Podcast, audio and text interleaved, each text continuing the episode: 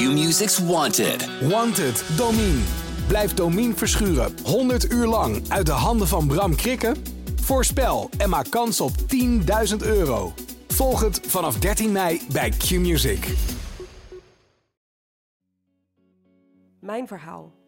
Persoonlijke verhalen van vrouwen voor vrouwen. Evelien durfde naar eigen zeggen niet goed te leven en piekerde altijd erg veel. Ik zag alleen maar het negatieve van de wereld en ik was eigenlijk alleen maar bezig met ervoor zorgen dat ik veilig bleef. Ze besloot haar angsten recht in de ogen te kijken en in haar eentje een rondje door Nederland te wandelen en bij vreemden te logeren. Je krijgt ook elke keer weer wat gespiegeld, waardoor je ook weer verder kan op je eigen weg. Welkom bij Mijn Verhaal, een podcast van Margriet. Ik ben Marijke Kolk en dit is het verhaal van Evelien. Wanneer was de eerste wandeling die jij in je eentje hebt gemaakt? Dat was in 2015. En de eerste wandeling die ik echt alleen maakte, die ging van mijn geboorteplaats Breda naar de plaats waar ik toen woonde, naar Leiden. En daar heb ik vier dagen over gewandeld. En toen heb ik ook al bij mensen thuis ook overnacht. Oké. Ja, dat had ik zelf pas van de week eigenlijk weer door. ik denk, oh ja, dat heb ik toen al gedaan. Dus ik, eigenlijk heb ik daar al een soort mini-variant gedaan van wat ik in 2019 dan dus in het groot heb gedaan. Welk moment bedacht je dat? Ik ga bij mensen, ik ga gewoon bij mensen logeren. Ik dacht gewoon, ik ga gewoon kijken of dit kan. Ik weet eigenlijk niet precies waarom ik dit heb bedacht.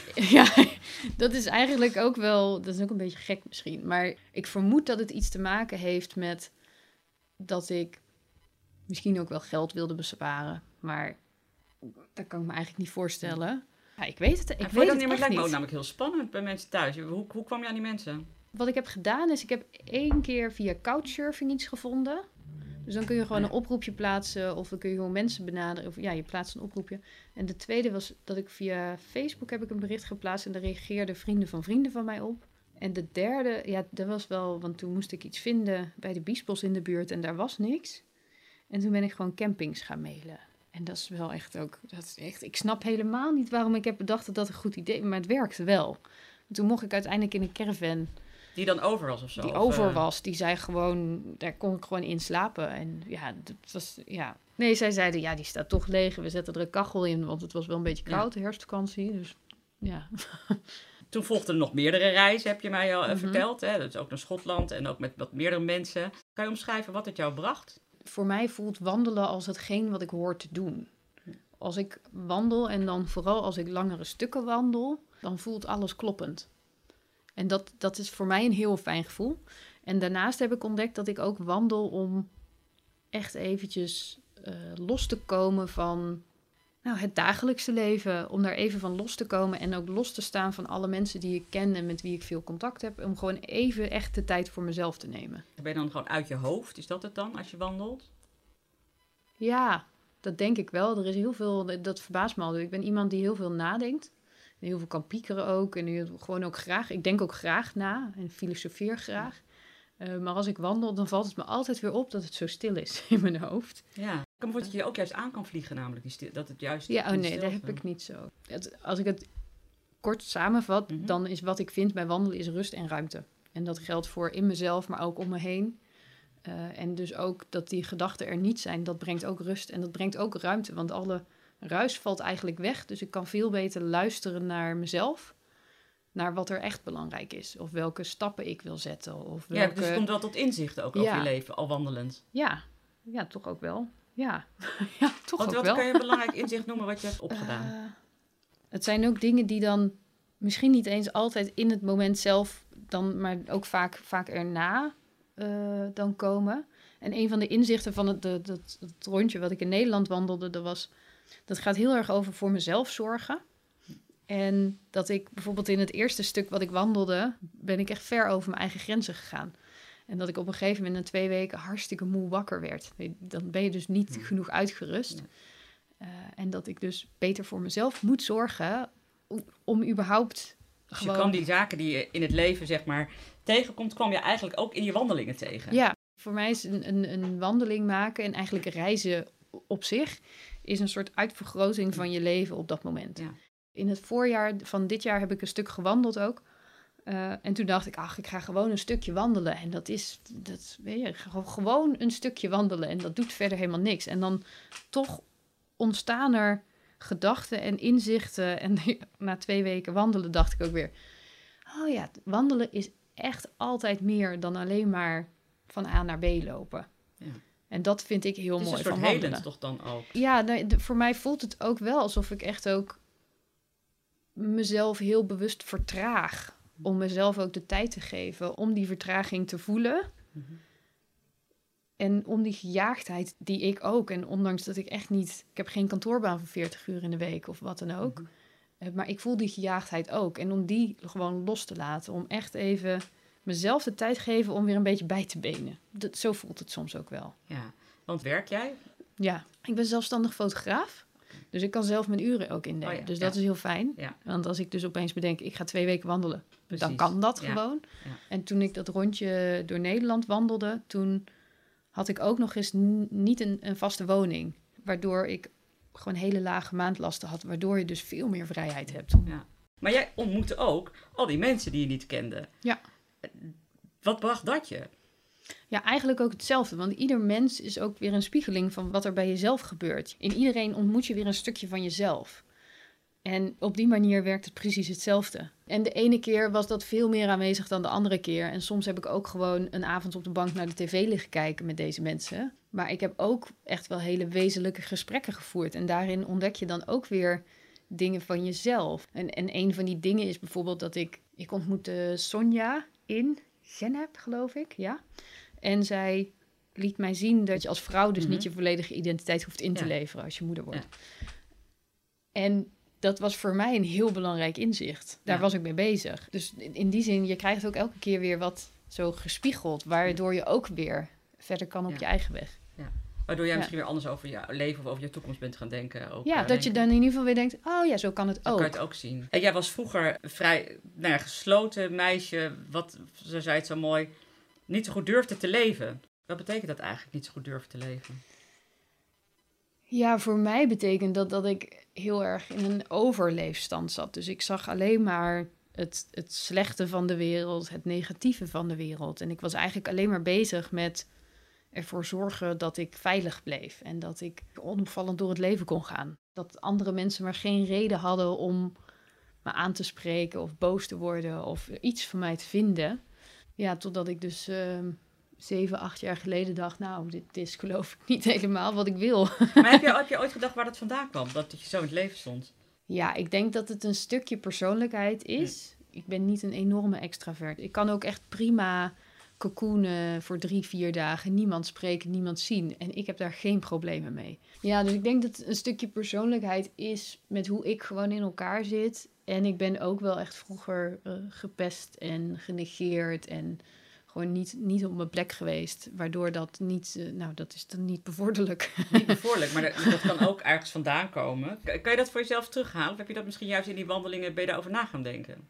Uh, nee, maar dat is wel, ik ben daar wel daarvoor over gaan nadenken. Ik heb in, um, nadat ik mijn opleiding heb gehaald, heb ik een baan gehad. Daar ben ik op een gegeven moment vrij naar ontslagen. En toen had ik best wel veel vrije tijd. En toen ben ik met mijn oma uh, veel tijd gaan doorbrengen. En toen zag ik op een gegeven moment bij haar heel duidelijk hetgene wat ik zelf ook aan het doen was op dat moment. Dus ik zag eigenlijk waar mijn weg over 50, 60, 70 jaar mij zou brengen. Dus ik, ik denk wel ook dat er iets overdraaglijk zit in de generatie, in mijn, in mijn uh, familielijnen. Maar wat dat precies is, heb ik nog niet helemaal geduid. En ik moet ook zeggen dat ik daar niet zo heel veel meer mee bezig ben, omdat ik ook heel duidelijk toen besloten heb en ik ga dit anders doen.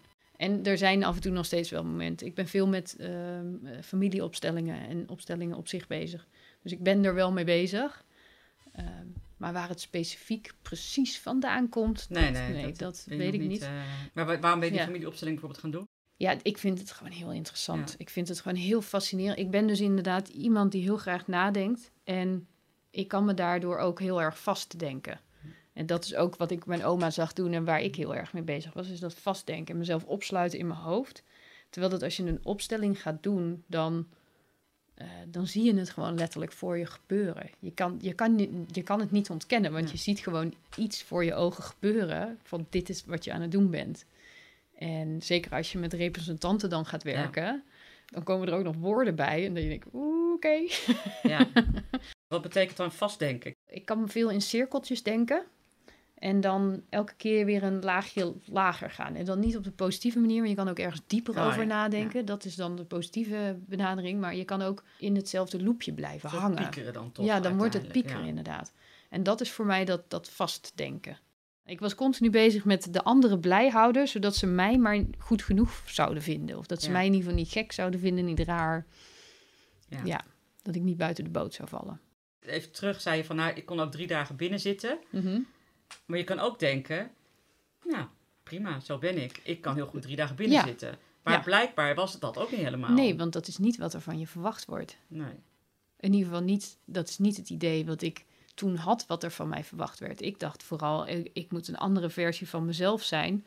ehm, want anders mag ik niet meedoen. Of anders ben ik niet leuk genoeg. En dan vindt niemand mij leuk en dan doe ik niet mee. Dat is mijn, mijn gro- allergrootste angst is niet genoeg, goed genoeg zijn en niet mee mogen doen. En niet gezien mogen worden. Tegelijkertijd eh, eh, verpest je het voor jezelf best wel. Want je wordt er, ik word er in ieder geval niet gelukkiger van. Dat heeft me echt, echt heel ongelukkig gemaakt. Maar het is wel een reden geweest om te zeggen, ik ga dit helemaal anders doen. Ja. En ik ga dat wandelen aan. Maar daarmee ga je wel meteen heel radicaal, vind ik dan. Ja, Het is wel de, de radicaalste weg. Je gaat wel je angsten meteen wel, hup, wel heel heftig te lijf eigenlijk. ja maar daar zitten, je, je, je hebt niet gezien dat ik zeg maar daarvoor Ja. al een paar jaar bezig was geweest. Ja, er zit een paar jaar tussen, tussen besluiten, Ja. ik ga het anders doen en ik ga een rondje wandelen en bij mensen thuis overnachten. Voor mezelf kiezen, daar gaat het eigenlijk Ja. over. Dus weten wat je zelf wil en doen wat je zelf wil. Maar ik had bijvoorbeeld een van de dingen die voor mij echt, echt voor mij baanbrekend voelde, was ik hou niet zo heel erg van gekookte wortels. Vind ik niet zo lekker. ja, mijn toenmalige vriend vond dat Ja. wel lekker. En ik dacht echt de hele tijd als die gekookte wortels op mijn bord lagen, waarom ben ik nou die wortels aan het koken? Want ik vind het niet lekker. En toen heb ik op een gegeven moment besloten, ik kook voor hem prima die wortels. Die kunnen bij die aardappelen in, dus dat is niet een extra moeite. En ik eet die wortels gewoon rauw. Ja. Want ik hoef ze niet. Dus gewoon het feit dat je dus los gaat laten van dit is hoe het hoort. En dat in de kleinste vorm gaan oefenen. Voor mij was dat wat ik, dat heb ik heel veel, heel Heb lang je gedaan. gedaan. Ja. Maar dat kan ook zorgen dat ehm, banden en, en relaties veranderen natuurlijk. Hè? Want Ja. ik hoor jou ook ex zeggen. Heeft dat dan ook eh, daarmee te maken? Ja, dat denk ik wel. Er zijn weinig mensen nog in mijn netwerk nu die mij kennen uit die periode. Maar dat is ook wel logisch. En het was voor mij ook niet. Sommige vriendschappen vond ik wel echt vervelend dat dat gestopt is. Maar er zijn ook zoveel mooiere vriendschappen voor teruggekomen. Ja. Veel meer van ziel tot ziel of zo. En veel meer vanuit echt mezelf. Vanuit de versie van mezelf die ik leuk vind. Eh, en waar ik blij van word. Dus het is veel puurder, veel meer waar. Als je die versie van nu tegenover die versie van tien jaar geleden maar zeggen, moet leggen. ja. Wat zijn dan de belangrijkste verschillen? Voor mij is dat dat ik eh, heel erg vanuit angst ga denken. Eh, of heel gewoon bang ben over dingen. Ik kan s'nachts echt bang in bed liggen. En dan, dat is voor mij een teken dat ik ergens te ver ga. Maar ook dat ik echt wel, ik was vroeger echt wel pessimistisch. En dat ben ik nu niet meer. Eh, dat kan ik nog steeds wel zijn dus. Maar over het algemeen denk ik dat alles mogelijk is. En dat is toch wel wat anders. Enorme verandering. Dat is een vrij grote verandering. En wat ik heel leuk vind, is dat er ooit eens iemand tegen mij heeft gezegd. eh, dat ik een optimist ben die dat gewoon even was vergeten. Toen dacht ik, ja, Dat is nou, een mooi tegeltje. ja, dat vond ik wel, dat ik dacht, eh, prima, hier kan ik goed mee leven. Ehm, ja, en ik ben veel eh, creatiever en ondernemender dan dat ik dacht dat ik was. En eigenlijk, zo, zo hard dat ik bezig was dat ik nou ja, net genoeg gezien werd tien jaar geleden, ben ik niet bang om mezelf te laten zien. En ben ik niet bang om zo'n gesprek met jou nu te voeren en dan te weten, oké, mensen gaan dit horen. Mhm, mhm. Eh, en dat denk ik nog steeds. En tegelijkertijd denk ik, ja, maar dit verhaal wil ik wel vertellen. Want ik vind het heel belangrijk dat mensen hun eigen weg gaan kiezen. Want daar word je gewoon echt een gelukkiger mens van. Ja, maar je zegt ook, eigenlijk zeg je, ik was vroeger bang om gezien te worden, maar ik wilde wel gezien worden. En nu word je gewoon gezien, een soort van Ja. automatisch misschien. Is Nou veel- ja, en ik zet mezelf daar ook neer. Ja. Ik duw mezelf naar voren. Ja. De eerste keer dat ik met een microfoon op een podium stond, dat ik echt dacht, oh, wat doe ik nou toch weer? Waarom ben ik dit aan het doen? Waarom heb ik hier mezelf nou toch weer neergezet? En dan vervolgens komen er twee, drie, vier mensen op je, naar je toe en die zeggen: Oh, dankjewel voor het delen van je verhaal, want nu weet ik dat het niet gek is. Dan denk ik: Dit is waarom ik het doe. Ja. Als ik maar gewoon mensen kan vertellen dat het niet gek is. Dat je het niet weet en dat je bang bent en dat je al die gedachten die je hebt, ehm, dat die er zijn. Dat maakt het het voor mij waard om elke keer maar weer te denken: Oké, ik ga het toch doen. ja, en daar hebben dus die, die wandelingen in geholpen. En Ja, nou, sowieso het wandelen op zich. Wat ook nog wel heel erg past bij mezelf van tien jaar geleden, is dat ik heel rigide kan zijn.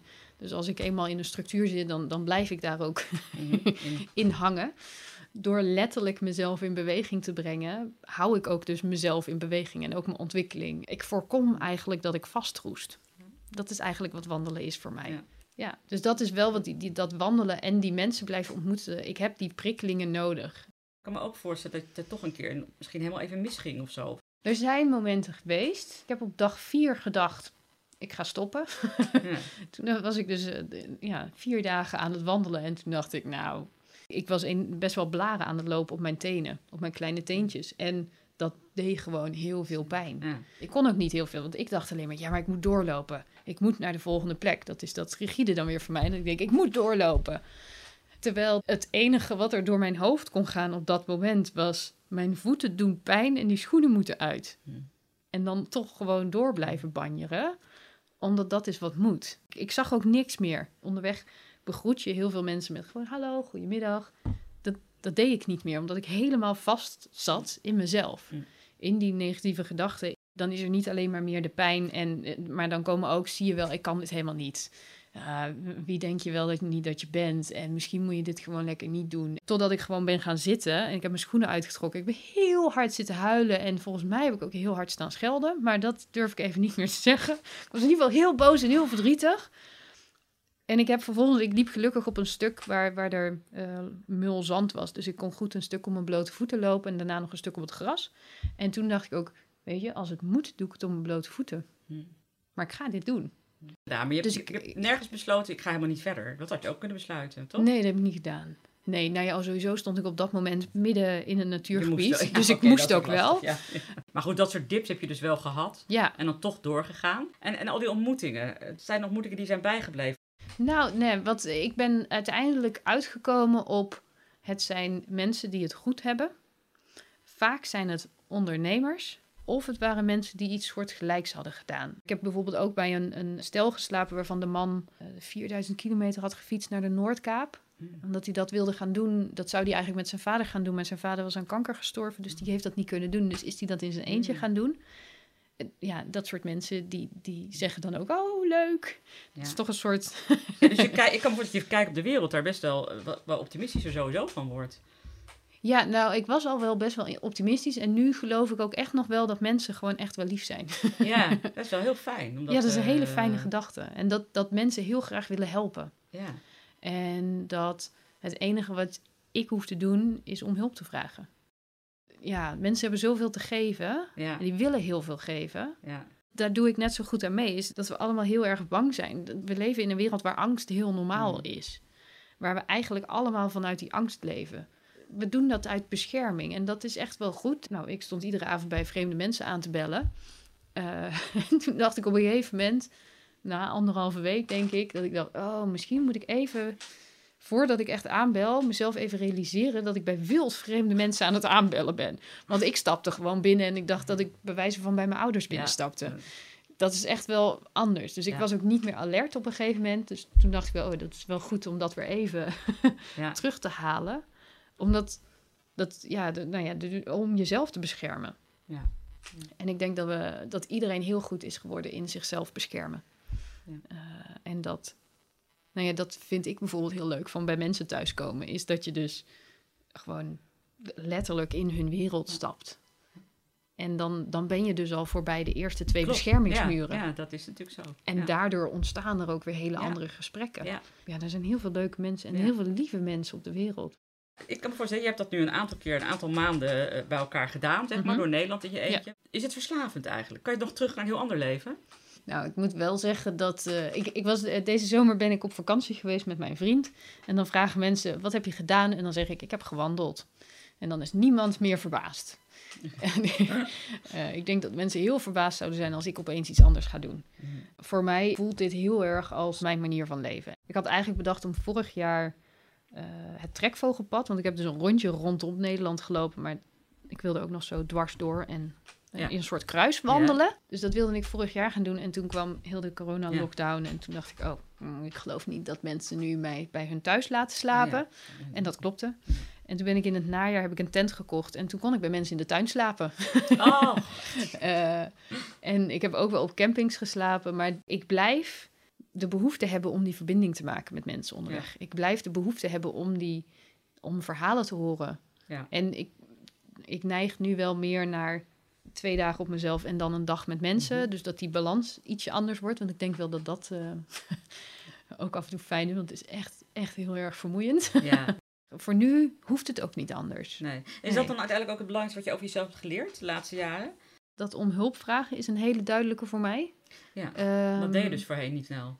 Nee, nee. En, en weten waar je dus om hulp moet vragen. Of wat, wat dan je hulpvraag is. Dus weten waar je zelf tegenaan loopt. Eh, Dus ik heb ook geleerd om weer beter voor mezelf te zorgen. Ja, en dat, dat, dat mensen echt wel lief zijn. Dat is voor mij echt een Ja. hele belangrijke. Ja, en je hebt natuurlijk een creatieve uiting eraan gegeven. Want je hebt een boek Nee. ervan Ja. gemaakt met foto's en je verhalen. Maar dat is natuurlijk ook wel een, een, ehm, ja, gewoon extra iets wat vanuit je misschien... Ja, wat ik, wat ik heel mooi vind om daarmee te doen, is dat mijn verhaal op die manier dus meerdere lagen ook krijgt. En dat er dan ook nog het verhaal zit met kijk eens hoe mooi Nederland is. Want ik heb gewoon foto's gemaakt van Nederland. Ja. Ehm, omdat Nederland een heel mooi land is. Er zijn hele mooie stukken. Ja. Wat is een stuk waar, waarvan je denkt, nou, dat vond ik nou echt prachtig.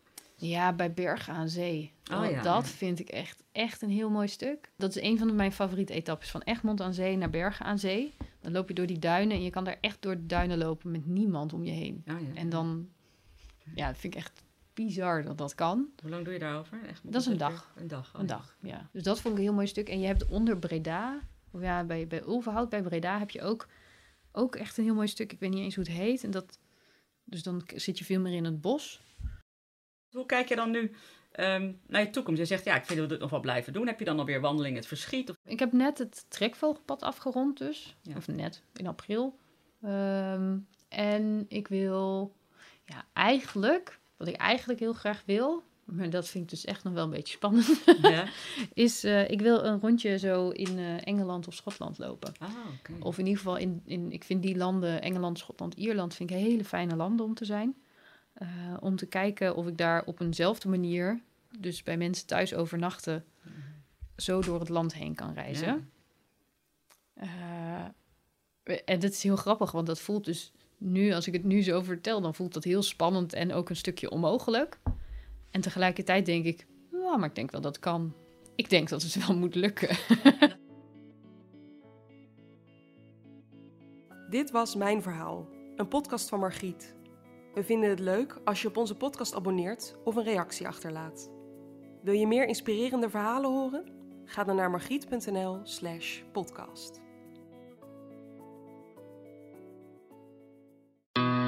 Q-Music's Wanted. Wanted, Domine.